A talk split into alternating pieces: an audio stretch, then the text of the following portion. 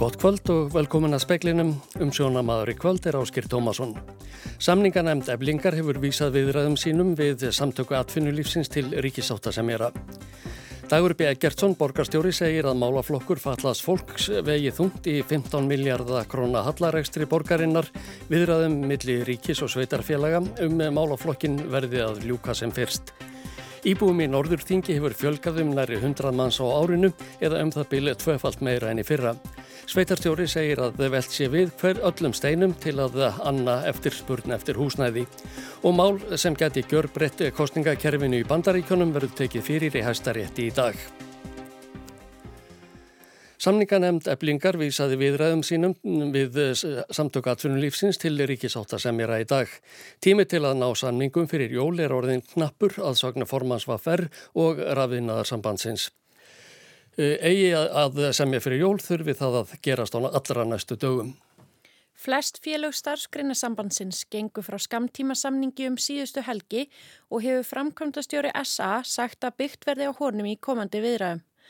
Ríkisjáta sem er ekki teku við stjórn samningaviðræna eblingar á SA eftir fjóra áranguslösa fundi. Samflott Vaffer, landsambandsveslumanna og yðnaðamanna er enn á fundi með SA sem hópst klukkan eitt. Formin Vaffer og rafinaðarsambandsins voru hóflega bjart sinnir aðeins þau gengur til fundar í dag. Ég er bara bjart sinn á að okkur takast að semja, já. Ég held að ef, ef að aðilar setjast núna að borðinu að þá hérna, getum við náðu þessu en það þarf tvo til. Við erum tilbúin til þess að finna leiðir og vonandi mun það takast en, en það þarf tvo til þess að ná því. Saði Kristján Þóruður Snæbjarnason formaði rafinaðarsambands Íslands. Ragnar Þór Ingálsson, formaður Vaffer, segir kröfurgerði samflótsins fara vel saman og samhljóm vera innan þeirra raða. Samninganemdir hafa unniða undibúningi viðraðana síðustu daga. Tíminn sé þó naumur. Þannig að eh, tímarafin er árið mjög knappur og, og sé, það skýrist öruglega mjög fljótlega, vonandi bara í dag eða morgun hvort að við séum að fara að gera raunverulegt áhlaup á þetta verkefni. Ef skamtímasamningar eru út af borðinu hefst vinna við langtímasamning og því getur fyllt verkfallsárutök.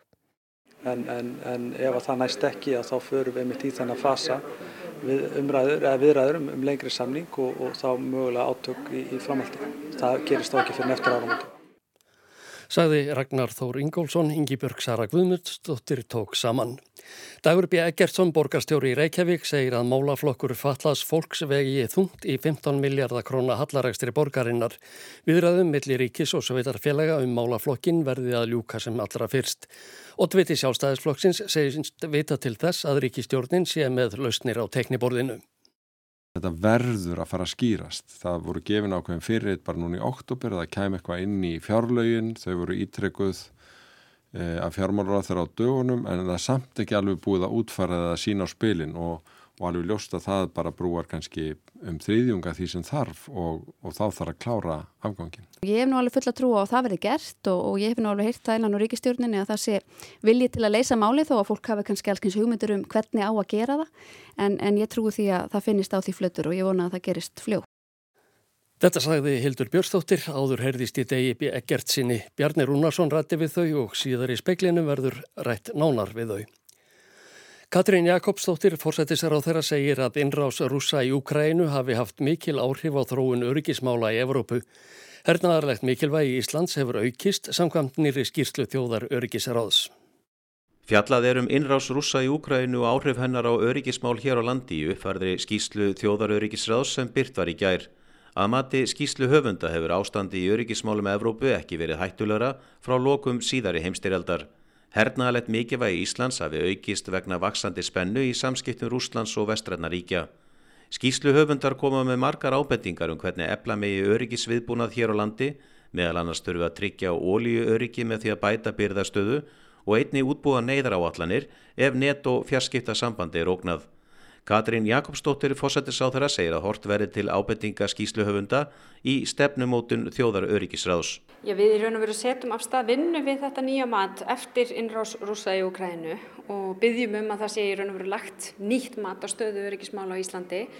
Eh, gamla mati var nú ekki mjög gammalt frá árinu 21 en það er alveg óhætt að segja að þessi innrás breytir auðvitað mjög miklu Við erum að sjá auðvitað þær breytingar að okkar nágrann á vinaþjóðir Svíjar og Finnar hafa sótt um aðelda allarsvarsbandalæðinu sem mörgum hefur nú þótt óhugsandi fyrir mjög skömmum tíma. Við erum líka að sjá hótanir um beitingu geraðingarvopna uh, á sama tíma og afvopnunarsamlingar hafa verið að rakna upp. Þannig að það er alveg óhætt að segja að þetta stríðu þetta hefur breytt stöðunni hér í Evrópu þegar kemur að öryggismál. Þetta saði Katrín Jakobsdóttir, höskuldur Kári, skramtók saman. Íbúafjölgun í Norðurþingi hefur verið talsvert hraðari en sveitarstjórn gerði ráð fyrir og húsnaði skortir. Þá helst á Húsavík. Sveitarstjóri segist binda vonir við að á næstu árum náist að anna eftirspurn. Íbúar í Norðurþingi voru 3164 í desemberbyrjun. Þeim fjölgaði um 40 á síðast ári en hefur fjölgað um 94 það sem afverð þessu ári. Katrín Sigurjónsdóttir, sveitarstjóri, segir íbúa fjölgunina hafa verið hraðari en þeirra áallanir gerður áðferir. Við þurfum að bara spýta verulega í til þess að, að mæta þessar eftirspil. Það var til dæmis útlitað lóð fyrir 25 íbúða blokk hérna í júli og uh, það var útlitað lóðin núna í oktober fyrir þrjú fjölbillishús. Þannig að vonandi svona á næsta og þar næsta ári þá koma inn eigni til að mæta þessari fjölgun. Mest er eftirspurnin eftir húsnæði á Húsavík þar sem tilstóð talsverð uppbygging á næstu árum. Eins og þróunin hefur verið er þó ólíklegt að það dugi til. Já, við erum eh, til dæmis núna bara eh, á þessum, eh, á þessum dögum þá erum við að hefja viðræðið með stjættafélaginu framsýn um möguleika á því að fjölga kannski leigu, kostum í leigu íbúðum. Þannig að við erum bara að velta við öllum steinum um hvernig við getum á sem hraðastan hátt eh, mætt þessari eftirspurn. Saði Katrín Sigurjónsdóttir, Ólafrún Erlendsdóttir tók saman. Og þá meira af eblingu því að stjættarfélagið ebling var í dag dæmt til greiðslu bóta í úrskurðum þryggja dóma sem eh, fyrirverandi starfsmenn stjættarfélagsins höfðuðu gegn því í kjölfar uppsagna. Öllu starfsfólki á skrifstofu eblingar var sagt upp í april síðastliðnum og voru miklar deilur vegna hópuppsagnarinnar. Í lok april feldu félagsmenn eblingar tillögu um að draga tilbaka hópuppsagnir stjættarfélagsins. Í dag fjallu þrýr dómar í málum þryggja fyrirverandi starfsmanna eblingar gegn félaginu. Í öllum dómunum er félagi dæmt til að greiða starfsfólkinu bætur en er þó ekki talið hafa brotið lög við uppsagnirnar sjálfar. Stéttafélagið er hins vegar talið hafa farið offari í framkvæmt uppsagnana. Þannig er eblingu gert að greiða einum starfsmanninum miskabætur vegna óvæginar fjölmiðlaumfjöllunar. Í öðru máli ber eblingu að greiða bætur vegna þess hvernig uppsögn starfsmanns var framkvæmt. Þá var stéttafélaginu í þriðja domnum gert að greiða starfsmanninum fyrverandi bætur vegna launatapp sem kom til vegna tímabundinar óvinnufæritni hans eftir að veikinda launatímabili lauk. Niðurstaða dómsins var að veikindi viðkomandi ættur ættur að rekja til framgöngu eblingar. Stjættafélaginu var því gert að greiða starfsmanninum útlaðan kostnað vegna veikindana. Að auki var stjættafélagi dæmt til að greiða starfsmanninum miskabætur vegna áminningar sem viðkomandi hlauti í starfi. Mat dómsins var að áminningin hefði verið veitt að ósekju. Gunnhildur Kerul Birkistóttir sagði frá. Miklar spartnaðaraðgerðir voru samþyktar í borgarstjórn Reykjavíkur í gær. Stóra verkefnið er að takast á við 15 miljardar hallaregstur borgarinnar. Tilur meirulhutans eru í 92 leðum og það væri oflangt mál að þylja þær allar upp hér en meðal hæstu niðurskurra tillagna meirulhutans er að þróunasjóður í mentamálum verði lækkaður tímambundið um 100 miljónir króna, 100 miljóna niðurskurður verði á leikskólamáltíðum 75 miljónir sparist með minni greiðslu þáttöku í tónlistanámi fullorðina og svo framvegis. Flokkarnir í minnulhutanum hafa einni kynnt sínar hugmyndir til að mynda sjálfstæðisflokkurinn en í þeirra tilögum fylgast aðgerðið sem saðar eru spara borginni 7 miljardar króna. Þar er lagt til að fækka starfsfólki og lækka launakostnað um 5%. Haraðingatilögur meirulhutans á samt þeim sem þegar höfðu verið samþyktar eru upp á samtals 3,2 miljardar króna. Og hingar er komin Hildur Björnsdóttir, oddviti sjálfstæðisflokksins í Reykjavík og Dagubi Eggertsson, borgastjóri, verið velkomin bæðið tvö. Takk fyrir. Ég kom inn á það í þessum engangi að þetta spara samtals 3,2 miljardar krónadagur. Ég spyr, eru þessar tilögur, eru þær nógu afgerandi? Þær brú ekki í bylið nema um það byl 1.5. Það er verið rétt að, að meða við uh, í raun verðbólgu áhrifin og gati út á málaflokki fallars fólk sem er sannarlega í útkomusbá þessa árs að þá er hallin meiri. en uh, þarna erum við enga síður að ná umtalsverðum sparnaði sem að, að vonanda stórum hlutaði varanlegur og mun létta reksturinn á, á næstu árum en við hefum ekkert lengt því að uh, það verður að klára viðræður með hámas árangri við ríkið um að fjármagna málaflokk fattast fólks eins og aðlætti er því að lögum að breytt 2018, skildur auknar, kostnaður ekst mjög mikið, ekki síst hjá þeim sem er að veita þess að þjónustu vel og það, það er allir sammálum að gatið er um 12 til 14 miljardar fyrir sveitafélaginni hild og, og Reykjavík borgar drúan hlut af því. Og það sem mér fannst uh, svona svolítið standa upp úr á þessum langa fundi okkar í gær var raunar að, að sko umræða var mjög málefnaleg og á endanum var bísna breið samstaða um bara stóran hluta af þessum hagræðingatiljóðum sem við vorum að leggja fram. Og uh, ég tók sérstaklega eftir því að, að einstakki fulltrúar úr sjálfstæðarfloknum tóku það alveg skýrt fram að þeir stæðu með kröfum, eðlum kröfum sveitafélagana um fjármögnun á málaflokki fallarsfólk sem snýst ekki bara um sveitafélagin heldur auðvitað um þá sem er að þykja þessa þjónustu ekki bara í Reykjavík heldur um landa allt. Þannig að ég lít þannig á að sveitastunafólk og við sannlega í borgarstjórn séum í, í sama liði og örkjubandalæðið og talsfólk fallarsfólks og fallafólk sjálft í að, í að slást fyrir þessu. En með því að, að það takist þessum haraðingar aðgerðum og uh, vexti borgarinnar að, að þá munum við vaksa út úr þessum vanda og við settum þarna stefnuna til fimm ára sem gengur út á það að við erum smá saman að sjá betri e, rekstur og 2025 verðum við komin á, á réttan kjöl varðandi svona helstu kennitölur sem við horfum til. Mm -hmm. Þetta er mikið óöfni, 15 miljardar krónar halli, þú verið lengi borgarstjóri og lengi í borgarstjórn. Voru yngar viðvörunabjöllur sem að voru farnar að klingja fyrr? Hvers vegna kom þetta svona flatt upp á ykkur? Ég myndur ekki segja þetta að við komum flatt upp á okkur beinlinis vegna þess að þegar faraldurinn skellur á að þá setjumst við yfir þar einar þerrpolitíst uh, bæði borgarstjórn og annars þar í samfélaginu að, að taka ákvæmlega um það hvernig er rétt að breyðast við uh, og það var sammæli allara og það voru beinlinis skefnar út um það áskoranir til sveitafélaga að halda sjó ekki fari neðuskurð, þetta er bæta í bæta í fjárfestingar, ráða einn fólk sem var tímabundið eh, sem betur fyrir atvinnuleust til þess að atvinnuleysi myndi ekki fara upp úr allu valdi og þannig er einn verja sam, samfélagið sem var að ganga í gegnum uh, þennan faraldur og uh, svona það efnaðslega högg sem að það veitti ekki bara Íslandi heldur öðrum samfélagum en að því að ferðarþjónustan vegur svo þúnt í okkur og þá var höggi meira hér.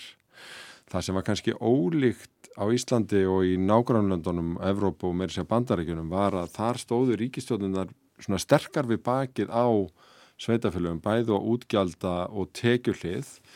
Eh, við köllum eftir því en, en í staðin var sagt eh, að það væri bara skinsanett að sveitafélögum myndi reyka sér í halla, eh, auka skuldir en fengju í raun svigurum til þess til næstu fimm ára.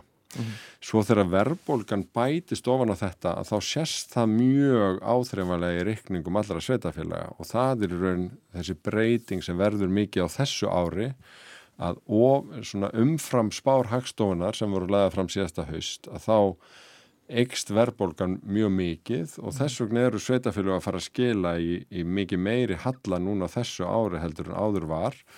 Og við strax þegar sex mánu eh, uppgerur lág fyrir Eh, greipum til ákveðana aðgerða og erum að gera það aftur núna þó við leinum því ekki að stóra gatið í þessu er vegna vannfjármögnunar fallarsfólks og það þarf líka að sækja. En við erum þá að gera okkar part þar sem ábyrti er og eru rétt viðbröð við þessum aðstæðum en við eh, köllum eftir skilningi á því að það gengur ekki, við, korki við þessar aðstæður eða eitthvað venjulegt árferði að svona stórir málaflokkar séu vannfjármögnaði.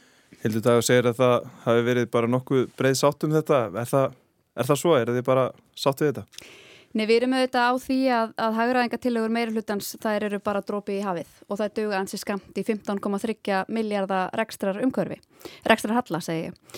Við lögðum fram tillögur sem að getur spara borginni um 7,2 miljardar árlega og þær eru raunhæfar en þær eru líka djarfar og það er það sem við þurfum í rekstrar umhverfi eins og þessu.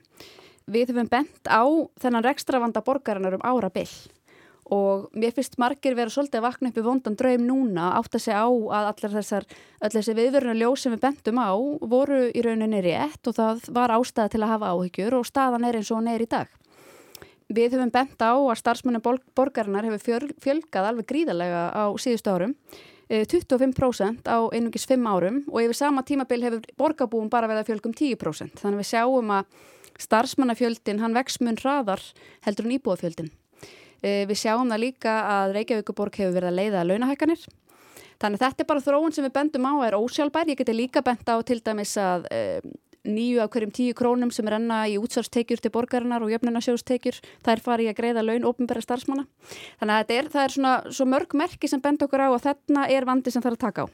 Við vorum alveg skýr með það í okkar tillögum og við erum það áfram að við viljum verja störf í framlýlunni, við viljum verja störf á leikskólum og grunnskólum í þjónustu við falla fólk og í velferðarþjónustu og áframmætti telja en við teljum mikil tækifæri til að minga yfirbygginguna.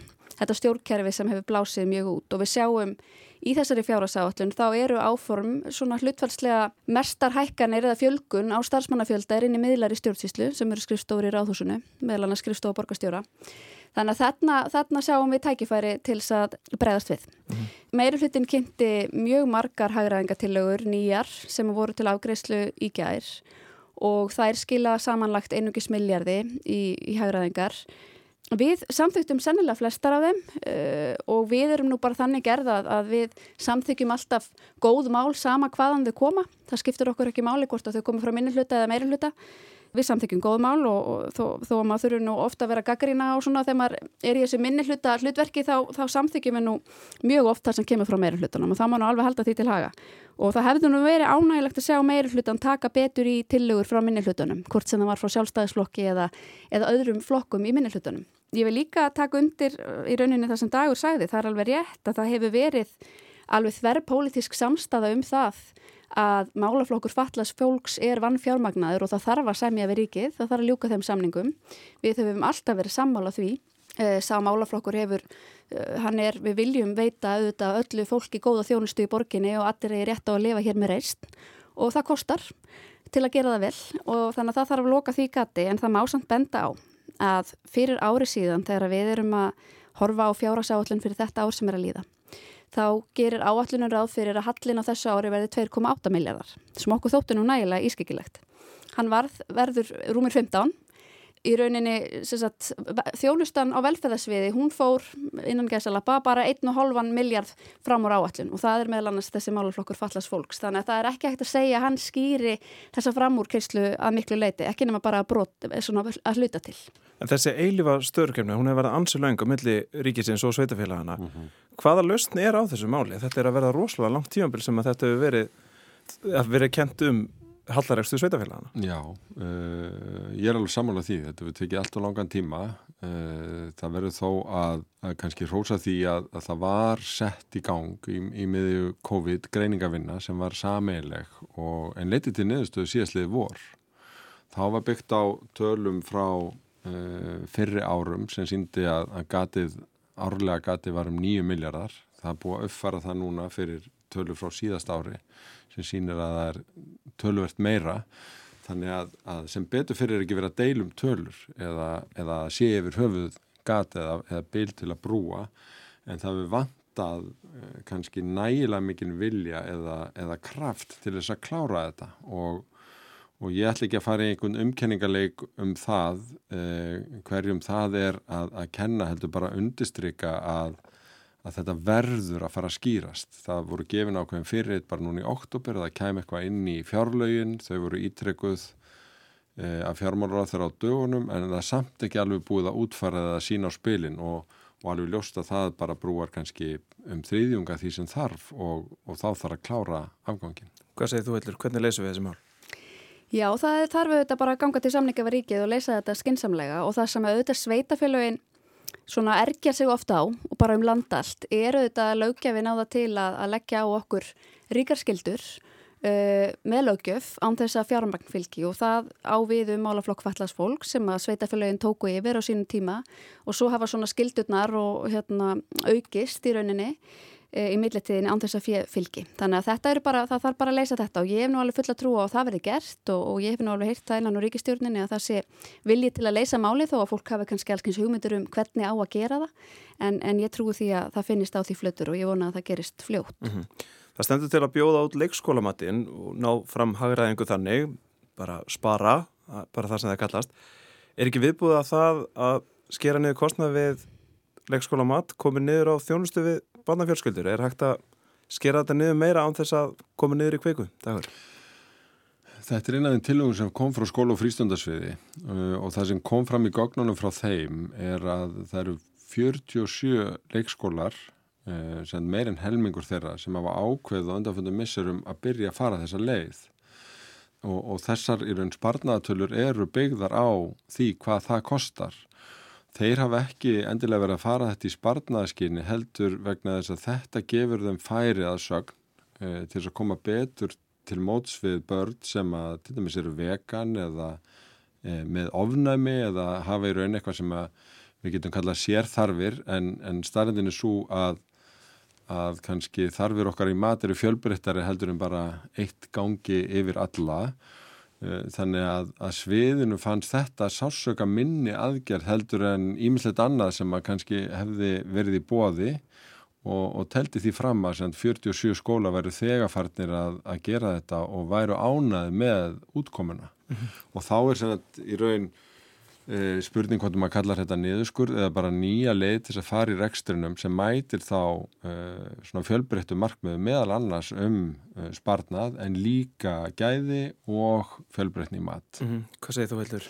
Þetta er eina af þeim tillögum sem við samþyktum ekki og hefum lagst mjög gegn. E, almennt erum við sjálfstæðismennu þetta mjög hlind því að fara þessi útbóð. En hér erum við að tala um lítilbötn og við erum að tala um næringu þeirra sem eru auðvitað algjör grunn undirstaða bara þeirra heilbriði og þeirra skóladegi það kann að vera að það geti reynst erskilegt og gott og, og falið í sér gæði og annað að fara í frekari útbóð á mat fyrir leikskólaböðn. Ég hef persónulega reynslu af því að ég hafa batt sem var á leikskóla þar sem að allur matur var eldaður á staðnum og það var alveg stórkostlegt og, og mér finnist til dæmis alveg ástæða til að fara í könnun meðal fóreldra á því vegna þess að ég heyri fóreldra mjög hvert undan því bæði leikskólum og grunnskólum að maturinn sé ekki nægilega vandaður og næringaríkur sem börnin fá og ég væri alveg reyðbúin að við myndum fara í könnun meðal fóreldra á því hvort þeir væri reyðbúinir að greiða örlíti meira e, fyrir meiri gæði í skólamatt. Ég hefði viljað sjá að jafnvel þó við færim í aukin útbóð á máltíðum leikskólabarna að við værim samt ekki að í rauninni spara þessar 100 miljónir heldur frekar notaðir þá til að auka enn frekar gæðin. Því það hefur verið skoriðan sem mikið niður við skoðum heilt yfir á síðustu árum í mat og næringu til lítilla barna og, og mér finnst það ekki gott. Mm -hmm. Ég, ég reyndar, ég hef bara aðra sögu að segja vegna þess að þetta var reyndar það sem var gert fyrir örfám árum að, að maturum var hækkaður um 100 krónur og gæðin jökust. Það komur salatbarir inn í grunnskólana og, og gæðin jökust þannig að, þannig að við erum á hverjum tíma bara að, að velja bestu leiður í þessu í ágætu samtali við skólana og eins og ég segi 47 að hafa valið þessa leið þannig að Ég skil hins vegar alveg áhyggjur hildar og ég meina þessuna er gott að hafa samtal -hmm. um bestu leiðir í hverju máli. Við getum rætt um matin í allan dag, við komst ekki lengra. Takk hjá það fyrir komuna í speilin, Hildur Björnstóttir og Dagur B. Ekkertsson.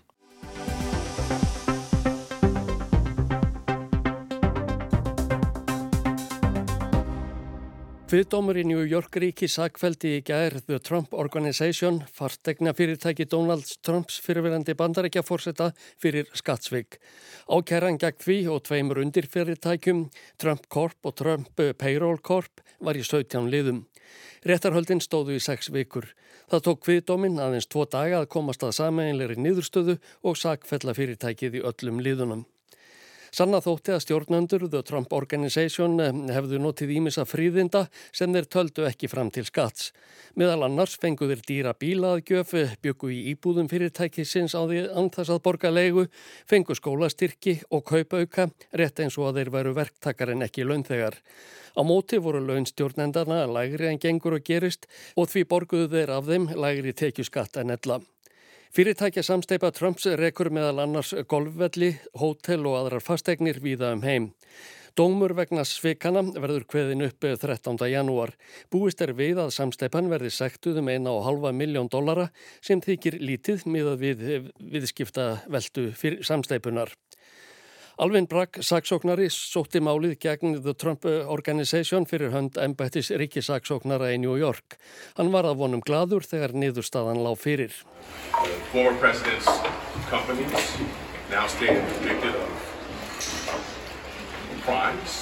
Fyrirtæki fórsetans fyrirvirandi hafa verið dæmt fyrir glæpi, saði saksóknarinn. Þetta sínir að á Manhattan eru allir jafnir fyrir lögunum. Kviðdómi þótti sannað að beitt hafiði verið legum og svikum og að skjöl hefðu verið fölsuð til að eh, fyrirtækin og stjórnendur þeirra getur svikið undan skatti. Alveg bragg bætti við að málið hefði í grundvallaratriðum snúist um græðki og svik. Síðastliðin 13 ár hefðu stjórnendurnir stunda það að maka krókin og komist undan við að greiða skatta með því að falsa viðskiptaskjöl. Starfsmenn Trump samsteipunar sem voru kallaðir fyrir rétt neituð allir sög. Yfirverjandin Alan Futeras lísti því samstundis yfir þegar niðurstaðan lág fyrir að málinu urði á fríad. Uh, Það auðvildaði saksóknurum á Manhattan verulega að rannsaka málið þegar Allen Weisselberg, fjármálastjóri Trump samsteipunar til áratuga, játaði skattsveikin síðallið sumar gegn vægari refsingu. Alvin Bragg saksóknari sagði að Vassilberg hefði nýtt stöðu sína til þess að brjóta á skattgreðendum á meðan hann grætti sjálfur á tá og fingri. Hann bjó ókeipis í íbúði bóði Trump samsteipunar og hafði ótal luxusbíla til afnóta. Vasselberger sagður hafa nýtt fjármunni fyrirtækisins til þess að greiða mentun barnabarna sinna og gefa þeim ymsan luxusvarning allt án þess að greiða skatta. Hann á yfirhauði sér tvekja miljóna dólara sekt og þarf að líkindum að sitja í fangelsi í fimm ár. Sjálfur hlýtur Donald Trump ekki dóm vegna skattsvikana. Mál var kvorki höfðað á hendur honum nýja börnumanns sem eru hátt sett sum hver innan samsteipunar. Trump fordæmdi niðurstöðuna þegar hún lág fyrir í gær og kallaði málið allt nortnaveðar þær viðtækustu sem framhefðu farið í sögu bandaríkjana. Hann fór einnig hörðum orðum um Allen Weisselberg sem gamla vinn. Hvorki hann nýja aðrir yfirmenn The Trump Organization hefðu nokkru sinni fengið að skoða skatta yfirilítinn sem hann létt frá sér fara. Trump lísti því yfir á dögunum að hann ætlaði að sækjast eftir því að verða fórsetta efni republikanaflokksins þegar gengið verður til kostninga að tæpum tveimur árum liðnum. Ímsir hafa veltið við fyrir sér í dag hvort dómurinn í gær hafi áhrif á fyrirætlan hans að komast til valda á nýj. Pól Keimenar, lögmaður í New York og áhrifamaður í republikanafloknum, sagði við tali við BBC í dag að líkast til ætti dómurinn eftir að ebla stuðning landsmanna við Trump. It might make them stronger because they will feel perhaps that he was being unfairly prosecuted and uh, he was unfairly targeted. Fólki kann að ofbjóða að Trump hafi verið loksóttur og hafður að skotmarki með þessum hætti, saði lögmaðurinn. Hann taldi að skattsvíkinn var í raununni smá mál, enda væri yfirvofandi sekt í samræmi við það. Fleiri spjót standa á Donald Trump þessa dagana en skattsvíkinn sem fyrirtækja samsteipa hans var sagfælt fyrir í gær. Áhlaup æstra stöðningsmanna hans á Kvítahúsið 7. janúari fyrra er enn til rannsóknar í þinginu. Adam Schiff sem situr í leini þjónustu nefnd fulltróðeldarinnar fyrir demokrataflokkin segir að starfinu miði nokkuð áfram. Hann var spurður álits á dóminum sem fjell á Manhattan í gær. Hann sagði að það að hvið dómur hefði verið svo fljótur að komast að niðurstöðum um sakfellingu í öllum liðum síndi að Trump stjórnaði fyrirtækjum sínum eins og hann stjórnaði landinu. Uh, so quickly, counts, uh, like he ran the country. Og þetta var Adam Schiff, uh, þingmaður í fulltróðdeild bandarækjathings. Veður horfur á landinu til miðnættis annað kvöld. Norðundag 8, 3-8 metrar á sekundu en 8-13 með austurströndinni. Yfirleitt 8-15 á morgun. Dáli til jælverða á norður og austurlandi en annars létt skíðað mestu. Frost verður 0-8 stig. Fleira er ekki speklinum að þessu sinni. Tæknimaður var Magnús Þorstedt Magnússon og útsendingu stjórnaði Marja Júlia Ingimarsdóttir. Verðið sæl.